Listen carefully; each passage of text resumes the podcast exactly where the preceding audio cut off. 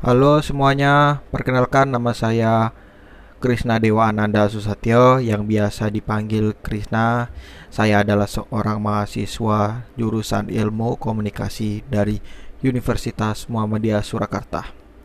Ya, pada kali ini saya akan membuat podcast yang menjelaskan tentang manajemen media televisi dari buku yang berjudul Manajemen Media Massa Uh, buku tersebut ditulis oleh Bapak Fajar Junaidi yang mana beliau juga merupakan dosen pengampu mata kuliah pengantar penyiaran di Universitas Muhammadiyah Surakarta.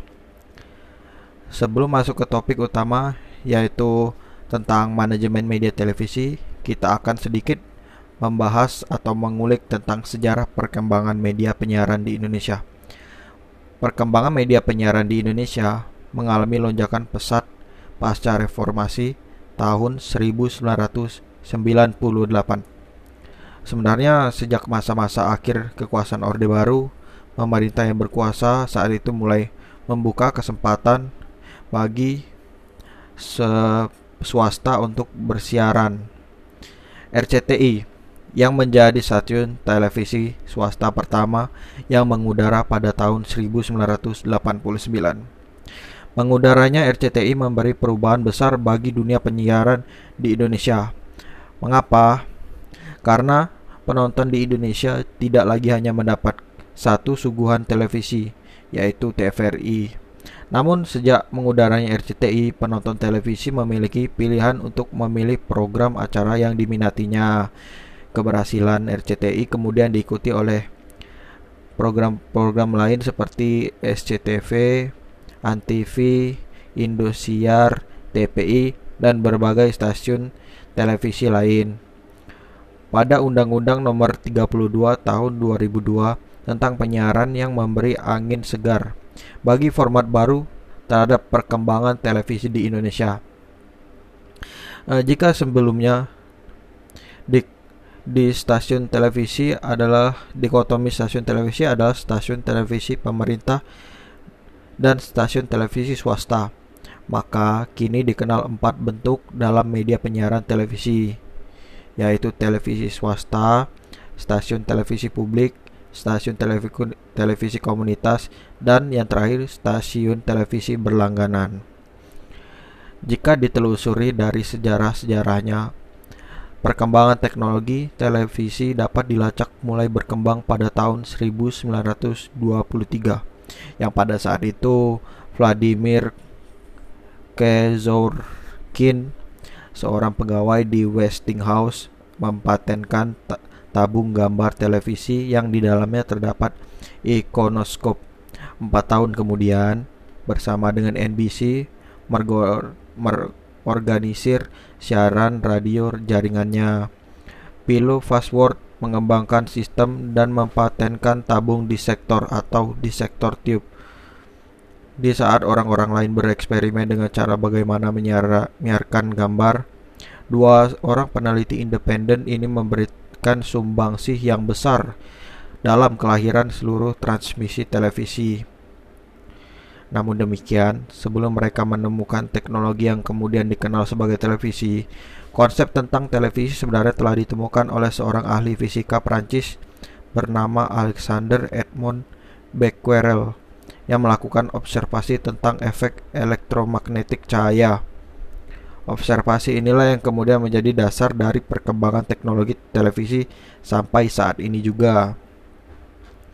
Perkembangan televisi mengalami kemunduran pada masa depresi ekonomi melanda Amerika Serikat di saat yang sama, negara-negara Eropa Barat juga mengalami krisis-krisis ekonomi dan politik pasca Perang Dunia ke-1.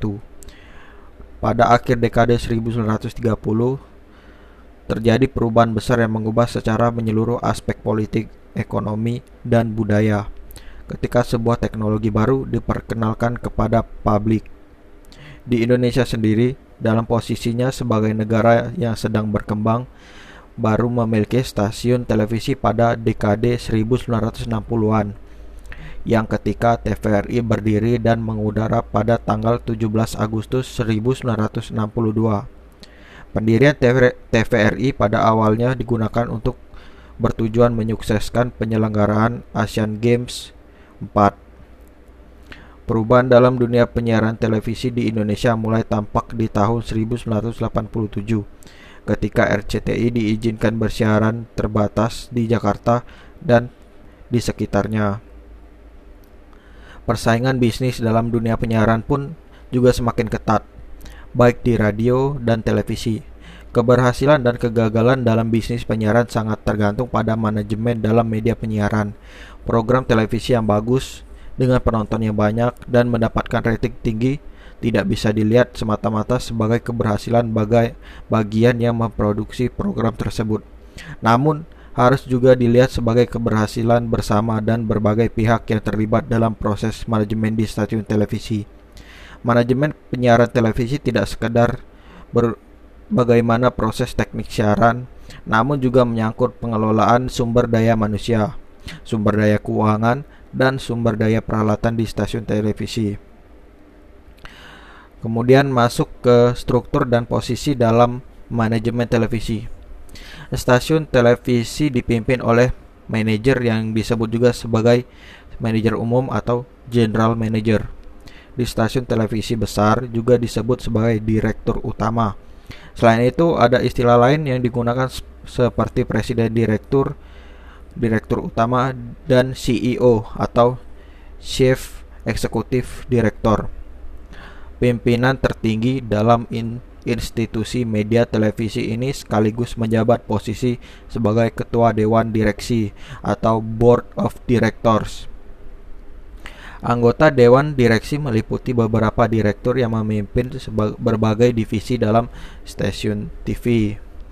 Dewan direksi inilah yang memiliki tanggung jawab untuk mengelola manajemen penyiaran dari stasiun televisi yang juga meliputi aspek bisnis dalam industri industri penyiaran. Tugas dari pimpinan tertinggi dalam manajemen di stasiun TV televisi meliputi beberapa tugas yang pertama adalah manajemen harus mengkoordinasikan berbagai program acara yang ada di stasiun televisi tersebut. Kedua, manajemen harus dapat mengarahkan program acara yang ditayangkan adalah program acara yang diminati oleh pemasang iklan. Ketiga, manajemen harus mampu memberikan arahan kepada seluruh karyawan agar mampu melakukan kerjasama antar berbagai divisi yang ada secara struktural, tidak ada standar baku dalam manajemen stasiun televisi. Ada empat fungsi dasar dalam struktur organisasi media penyiaran televisi, yaitu teknik program, pemasaran, dan administrasi. Satu, Bagian teknik mengemban tanggung jawab dalam menjaga kelancaran siaran bagi bagian teknik ini juga bertugas merawat peralatan yang ada agar selalu prima ketika digunakan untuk produksi program televisi. Yang kedua, selanjut selanjutnya uh, ialah bagian program siaran. Bagian ini mengemban tugas untuk menyuguhkan program acara bagi khalayak umum. Untuk itu, bagian ini harus mampu melakukan penataan program siaran agar agar sesuai dengan khalayak Kegiatan penataan program ini disebut sebagai programming. Dalam melakukan programming, bagian program siaran harus mempertimbangkan jenis acara, waktu tayang, serta perilaku menonton kalayak. Yang ketiga adalah bagian promosi. Bagian promosi ini memiliki tugas untuk menjual program-program dimiliki stasiun televisi pada pengiklan. Dengan demikian, Bagian ini menjadi vital bagi stasiun televisi swasta yang membutuhkan pendapatan dari iklan untuk menjamin keberlanjutan siarannya. Bayangkan jika ada sebuah stasiun televisi yang memiliki program acara yang bagus, namun pada bagian pemasaran dan penjualan program tidak mampu mengait pengiklan untuk mengisi slot ikan iklan. Pada program tersebut bisa dipastikan stasiun televisi tersebut mengalami banyak kerugian yang besar karena banyak iklan yang tidak yang melayang. Fungsi keempat, fungsi administrasi ini meliputi tanggung jawab pada pengelolaan sumber daya manusia, pembukuan, pembayaran gaji, dan pengelolaan anggaran. Selain itu, fungsi administrasi yang lain adalah mengurus perizinan dan menjalin kerjasama dengan pihak-pihak eksternal. Cukup sekian dari podcast saya kali ini. Saya Krisna Dewa Ananda Susatyo uh, mengucapkan wassalamualaikum warahmatullahi wabarakatuh.